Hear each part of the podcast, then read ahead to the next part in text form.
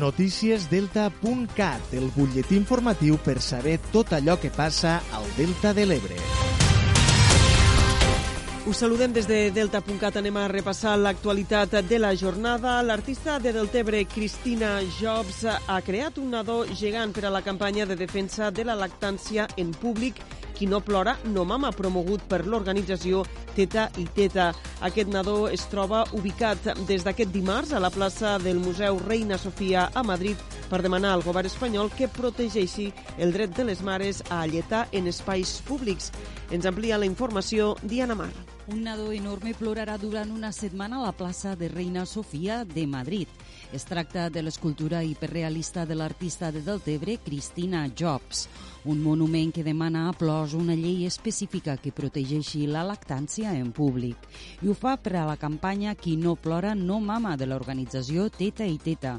L'objectiu és denunciar que el 85% de les dones creuen necessari veure protegit el seu dret a alletar en públic. Així ens ho ha explicat Cristina Jobs, creadora plàstica del projecte. Eh, que reivindica aquest projecte és la necessitat d'una llei que protegisca la lactància materna en espais públics, perquè sí que és veritat que moltes dones se troben en la situació d'haver-se d'amagar o de sentir pressió per estar amamantant en, en públic. I en el que ens correspon més a nosaltres, no? que és en la part creativa, en la creació de l'escultura d'este bebè gegant, doncs, bueno, ha sigut una escultura que l'hem estat realitzant durant diversos mesos.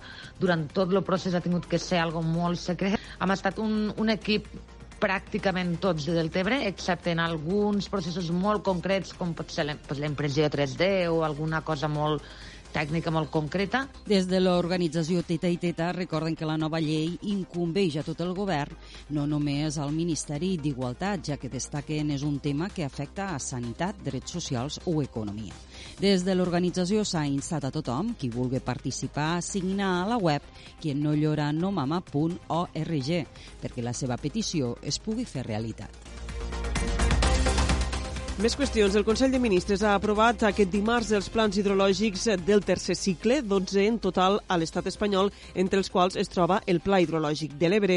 El pla tindrà una vigència de 4 anys fins al 2027 i, malgrat segueix contemplant un increment de la superfície de regadiu, s'ha incorporat ja limitacions preveient un escenari futur d'escassetat d'aigua. Això sí, s'ha contemplat els regadius que disposen d'un dret vigent i d'un compromís de finançament ferm, com és el cas del regadiu Xerta Sènia.